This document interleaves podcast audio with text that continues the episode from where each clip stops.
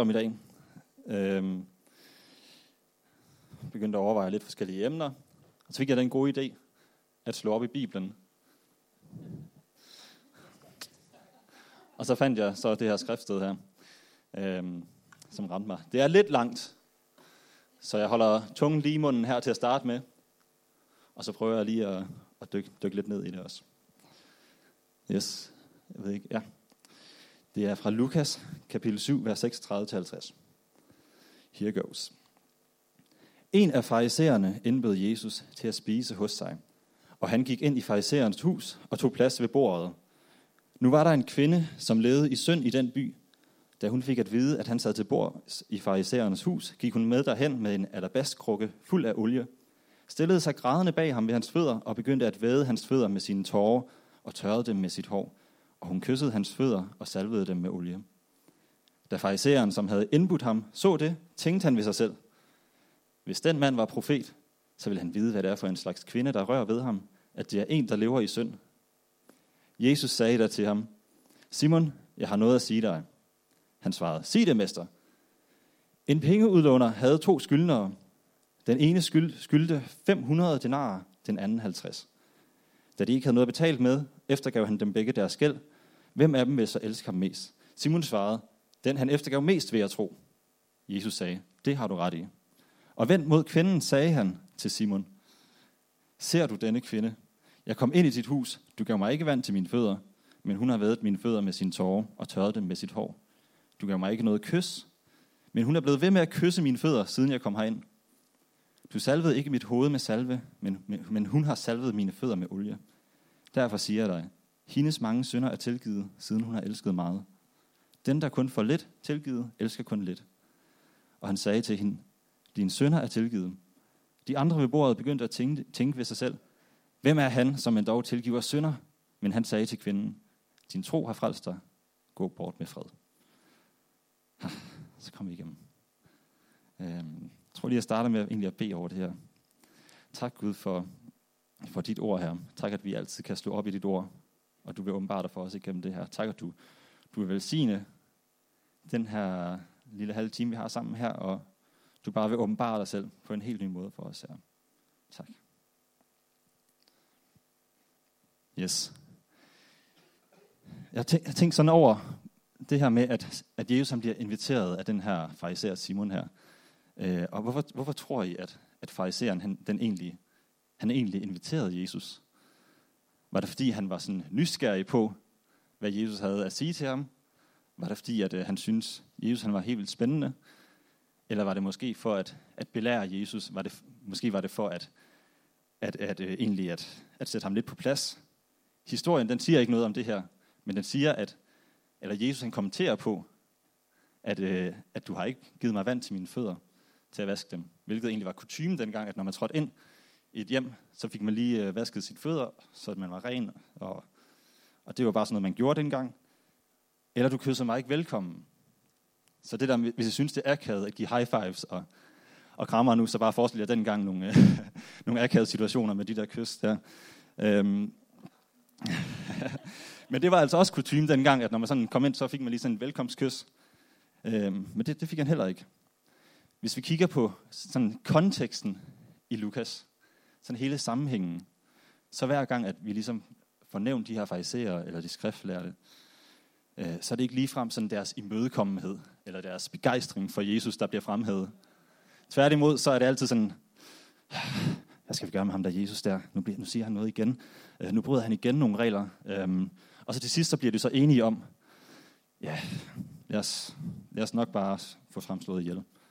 Øhm, så altså, der er ikke, den, der er ikke sådan positiv energi omkring de her skriftlærte her.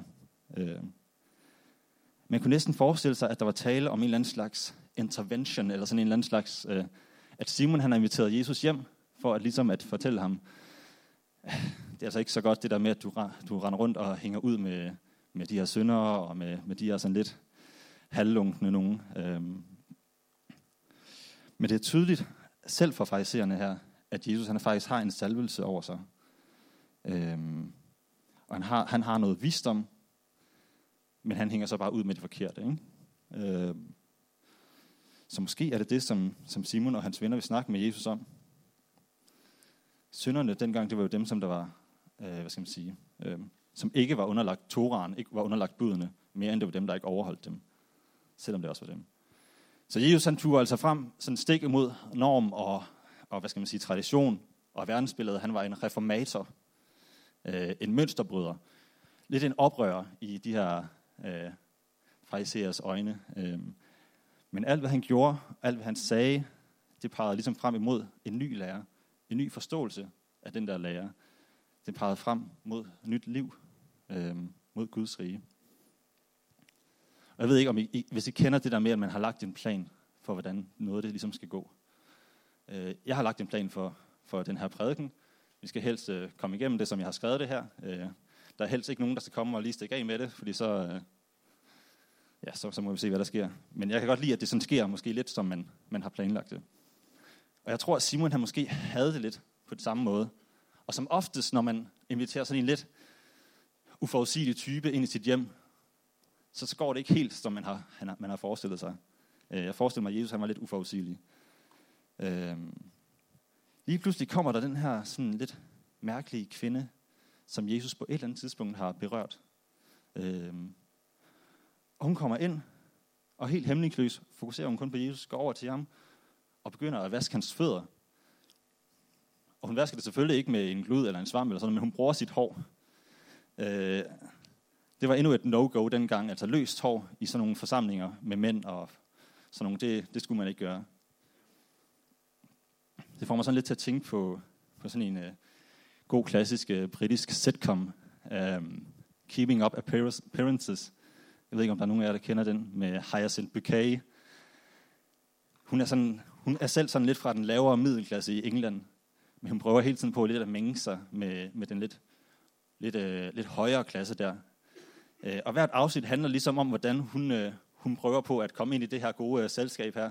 Få sig nogle gode, øh, nogle høj, højt rangerende sociale venner der. Øh, men så lige pludselig så dukker der et eller andet familiemedlem op hver gang, som er sådan lidt, lidt afslører hende, og hun prøver sådan lidt at gemme, gemme det lidt af vejen.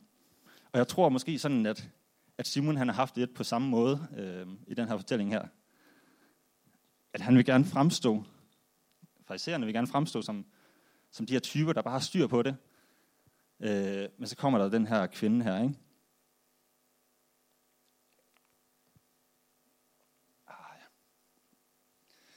Jeg tænker, at, øh, at Simon han har været sådan lidt forarvet. Sådan lidt typisk, nu skulle vi til at have den her gode snak. Nu skal vi, nu skal vi rigtig få overbevist Jesus om, hvordan tingene skal gøres. Øhm, og så kommer hun ind her. Og vi får det her indblik i, i Simons tanker. Sådan, hvis, hvis han vidste, hvem hun var, hvis han vidste, hun var en stor synder, øh, så, så ville han ikke gøre det. Men der var bare et problem. Fordi Jesus, han vidste godt, hvem hun var. Øh, og Jesus, han vender situationen, tager lidt kontrol over situationen her. Og så stiller han ham et, øh, et retorisk, lidt indlysende, quiz, lidt øh, indlysende spørgsmål, som Simon han svarer på. Og så er fælden ligesom allerede klappet i. Øh, før han selv ved det. Fordi Jesus han taler altid direkte til hjertet, og det gør han også her. Der er tre ting, som, som vi skal se på her i dag. Øhm, og det første, det er, at mødet med Jesus altid er et livsforvandlende møde. Øhm, um, C.S. Lewis, øh, britisk historiker, intellektuel professor, forfatter, skrev Narnia. Øhm, han beskriver selv sin, sin egen omvendelse i, i den her bog, uh, Surprised by Joy. En markant anden fortælling, end den vi lige får præsenteret her. Um, han skriver, um, That which I greatly feared had at last come upon me. In the Trinity term of 1929, I gave in and admitted that God was God and knelt and prayed. Perhaps that night the most dejected and reluctant convert in all England. Altså, han oplever nærmest modstridende det her med at overgive sig til, til, til, til en eller anden tro på, på noget større her. Han oplever det her med, at, at troen sniger ind på sig, sniger sig ind på ham. Øhm, og han ender med at, at, at egentlig at give sit liv til, til Jesus i 1931. Gennem samtaler og oplevelser, særligt gennem med hans gode ven øh, Tolkien, som jeg er kendt for Ringnes Herre blandt andet og alt det her. Så altså omvendelsen ser altid forskellig ud. Men den handler altid om det samme. Den handler om at vende sig mod Jesus. Øhm, og der er noget meget sådan konkret, nærmest fysisk i det her med at vende sig om, at gå den ene vej, og så vende sig om, og så gå mod Jesus. Og for den her kvinde, så var det sådan en her 180 grader omvendelse til Jesus. Har levet et, helt, et liv helt forladt af, af alt, hvad der minder om håb, og vender sig mod Jesus og ser det. Andre gange kan det være sådan lidt en, en rekalibrering. Vi har måske taget imod ham, men så kommer der lige nogle omstændigheder herover eller herover, og vi begynder at, at blive mere og mere optaget af det, og skal lige rekalibreres, lige vende blikket igen ind mod, mod Gud, som sådan en rekalibreres, som sådan en uh, computer, hvis man arbejder med billeder, så skal man sørge for at rekalibrere skærmen en gang imellem, så det står knivskarpt. Og lidt på samme måde her. Kvinden i den her fortælling, hun har oplevet det her radikale skifte. Fra en ene yderlighed til den anden. Øh, hun har levet et liv af nød, måske. Måske har hun oplevet en eller anden grundlæggende uretfærdighed i hendes liv. Måske er hun selv, øh, selv skyld i det, men hun har mistet al værdighed. Den er simpelthen blevet frarøvet hende. Øh, hun levede på kanten, og måske endda lidt udover. Men hun oplever det her at blive set og værdiggjort hos Jesus. Øh, fra at være tynget af de her omstændigheder. Øh, de her omstændigheder, der ikke misser en mulighed for at minde hende om, hvem hun er, at hun er på den forkerte side af samfundet. At du hører til hos synderne, du hører ikke til hos os. Øh, men hun oplever at blive set af Jesus, og hun retter blikket mod Jesus. Hun lukker i fortællingen her alt andet ude, går over mod Jesus og giver ligesom efter for den her hjertets trang til bare at gøre, hvad der lige falder hende ind. Øh, hun overvældes af kærlighed. Og det gør hun, fordi at hun har oplevet, at omstændighederne de ikke kan fortælle hende, hvem hun er. Omstændighederne kan ikke fortælle dig, hvem du er. Og det er derfor, at det er en omvendelse. Det er derfor, at hjertet oplever, at det forløses hos Jesus. Så hvad er det mon for en kærlighed, som hun overvældes af? Øhm, det er den kærlighed, som ser synderen inde bag synden. Øhm, og inde bag synd, synderen ser den mennesket. Mennesket, som er hele formålet med Jesu virke. Det er den kærlighed, Jesu nåde, der ser mennesket formålet med Jesu virke. Og der kommer vi til point 2 her. At Jesus han tilgiver synderen, han tilgiver ikke synden. Han tilgiver synderen, ikke synden. Sindssygt vigtigt at forstå. Det tog mig mega lang tid at forstå. Øh, at Jesu noget ikke er et plaster. Det er en forvandling, det er en omvendelse, det er en omvæltning, det er et kald. Jesus han kommer ikke og giver et plaster til din sår. Han inviterer dig ikke ind på, på sin klinik og syr dit sår sammen og sender dig så ud igen. Men det er faktisk en forvandling. Det er et helt nyt liv. Øh, Jesu nåde er ikke en vare. Det er ikke noget, vi handler med. Det er ikke noget, vi... Nå, så, så skal vi lige have lidt noget der. Men den er nyt liv. Øhm, ikke et lille indgangsbeløb til at dække dit overtræk, men han betaler hele gildet. Øhm, og hvorfor gør han det? Det gør han, fordi det ikke handler om synden, men det handler om frelsen. Øhm. Og hvem er det, frelsen gælder? Er det synden, eller er det synderen? Ja. Så kvinden, hun levede altså det her umoralske liv. Øh, et liv fyldt med synder i forhold til både det verdensbillede, den verdensinddeling, hun levede i. Hun var godt klar over, at hun var på den forkerte side. Men hun havde ligesom gravet sig selv et hul, som hun ikke selv kunne komme op af. Hun havde en skovl, men hun kunne grave ned, nedad. Øhm, hun vidste godt, det var uværdigt. Men spørgsmålet her også, var hun egentlig en større, eller var hun mere en synder end de andre i byen? Hun havde et, et åbent sår, som der styrt blødte, og det kunne alle se. Øhm, men Jesus han siger til hende, Din sønner er der tilgivet. Og igen, er det hendes sønner, der er problemet? Er det dem, han tilgiver? Øhm, eller er det synderen, der ikke kan lade være med at begå dem, fordi hun er vendt den forkerte vej? Fordi hun er vendt væk fra Gud. Hun orienterer sig mod det forkerte. Det handler faktisk om, at, at han siger til os, at vi skal ikke længere gå fra Gud, men vi skal gå imod ham.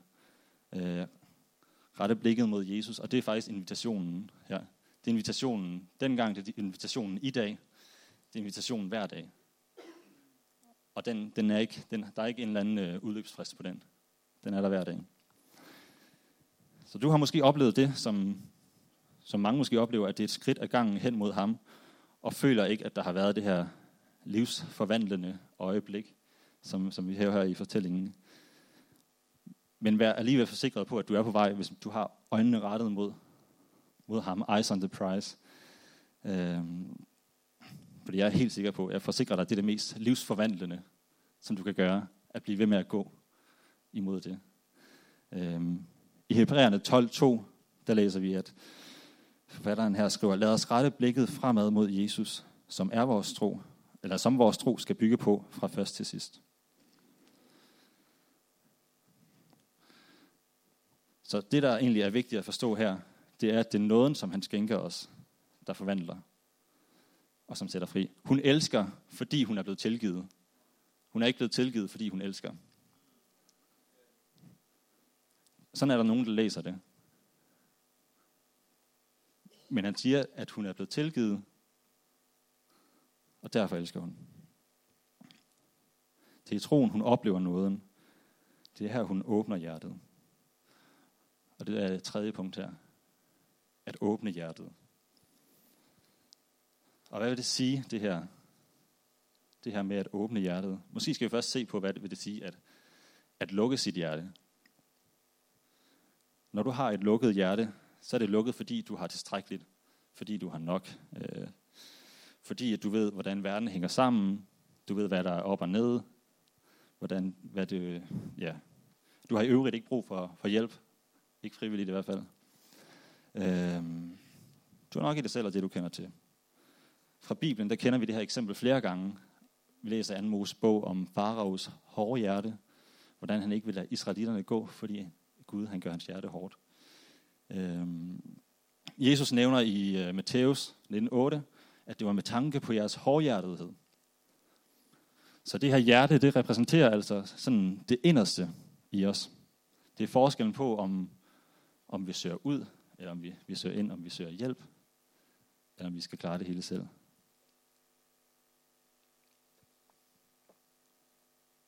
Det er meget vigtigt. Det åbner os op for det, vi ikke selv magter. Øhm, I 2. Korintherbrev 12.10 skriver Paulus, for når jeg er magtesløs, så er jeg stærk i dig. Det er den her afhængighed.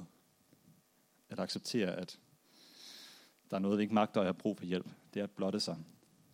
Hvis vi har et lukket, et hårdt hjerte, så er der intet, der får lov til at præge det. Der er intet, der får lov til at forme det. Der er ikke noget, der får lov til at, øh, at skubbe os i en anden retning.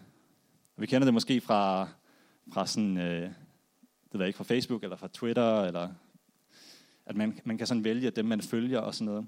Og så følger man jo som regel dem, som man er enig i. Dem, som der har, har nogle gode pointer. Øh. Og så, så lidt efter lidt, så får man skabt sådan en boble omkring sig selv, hvor man egentlig bare bliver bekræftet i alt det, man allerede godt ved. Og når der så er nogen, der siger noget andet, så, ja, så tager de jo bare fejl. Øhm, Farisererne, de repræsenterer det her lukkede hjerte. Øhm, for når vi åbner det, når vi blotter os selv, så tillader vi os at blive ramt. Og det er det, der gør det så skræmmende. Øhm, og det er skræmmende især, hvis man har oplevet at blive såret. Fordi så, så, så, så vil man måske gerne sådan værne sig sådan lidt om sig selv. Så har man måske en eller anden bitterhed, man gemmer på.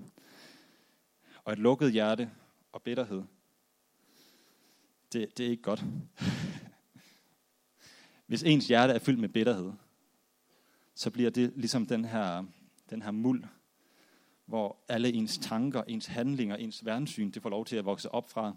Det er det, der ligesom fodrer alt det, der kommer ud. Øhm, og vi læser her i Lukas 6:45, at et godt menneske tager gode ting frem af sit hjertes forråd, og et ondt menneske tager onde ting frem af sit onde forråd. For hvad hjertet er fuldt af, det løber munden over med. Så rent billedligt her, så ser vi, at det er hjertet, der, der præges, det er hjertet, der fordærves af synden af, af de dårlige ting omkring os.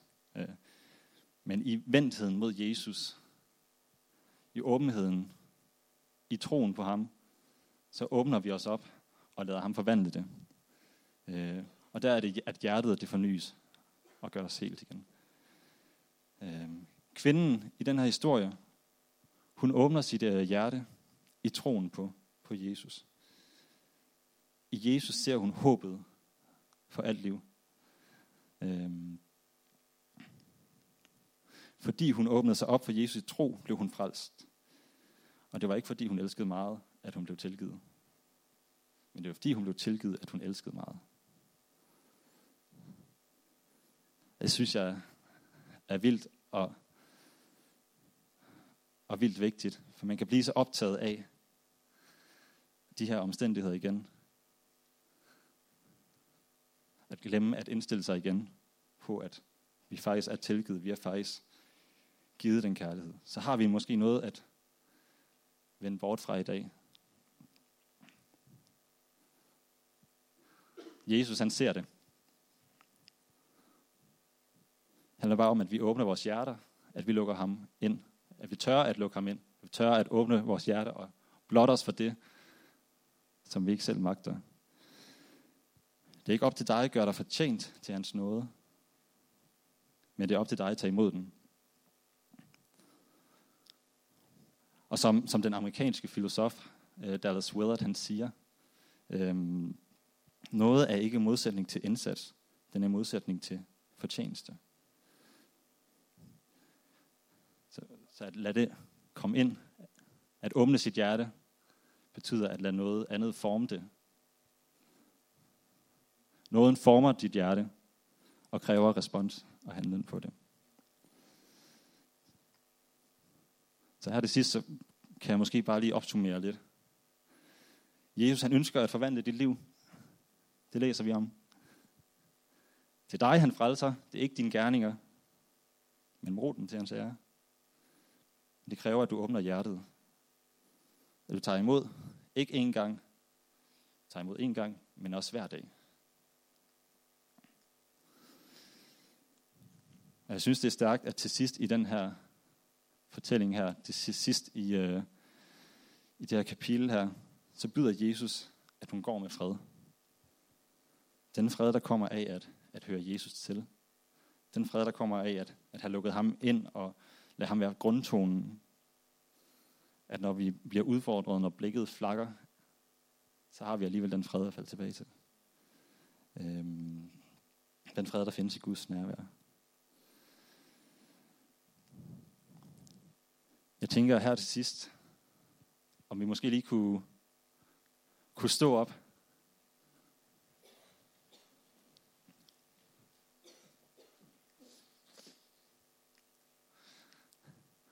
Der kommer ikke noget musik på i aften. Men vi står bare her i, i stillheden.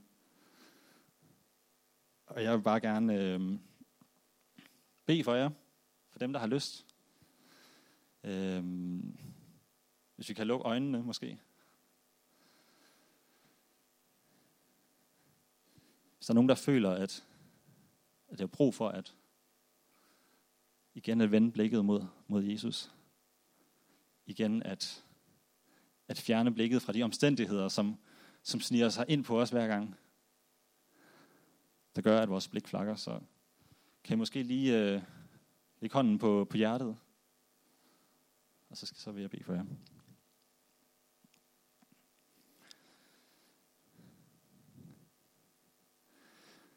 Jesus, tak for, at du,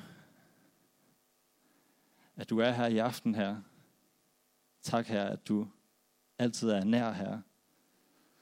Tak, at vi ikke skal, skal gøre os fortjent til det, du har gjort her. Du allerede har frelst os. Du allerede har taget skylden og synden på korset her. Tak, far, for din nåde her. Men tak, for du også kender vores omstændigheder her. Jeg beder for dem, som der står i nogle svære situationer nu her. Jeg beder for dem, som der bare ønsker, at du skal komme igen og møde deres hjerter her. De åbner sig op for dig nu her. Jeg beder bare om, at du kommer og fylder dem her. Kommer med din nåde her. Din overvældende nåde her. Tak, far, for, for du ser os, for du har elsket os før, at vi kendte dig her. Og derfor kan vi elske dig nu her. I Jesu navn her. Tak Gud. Amen.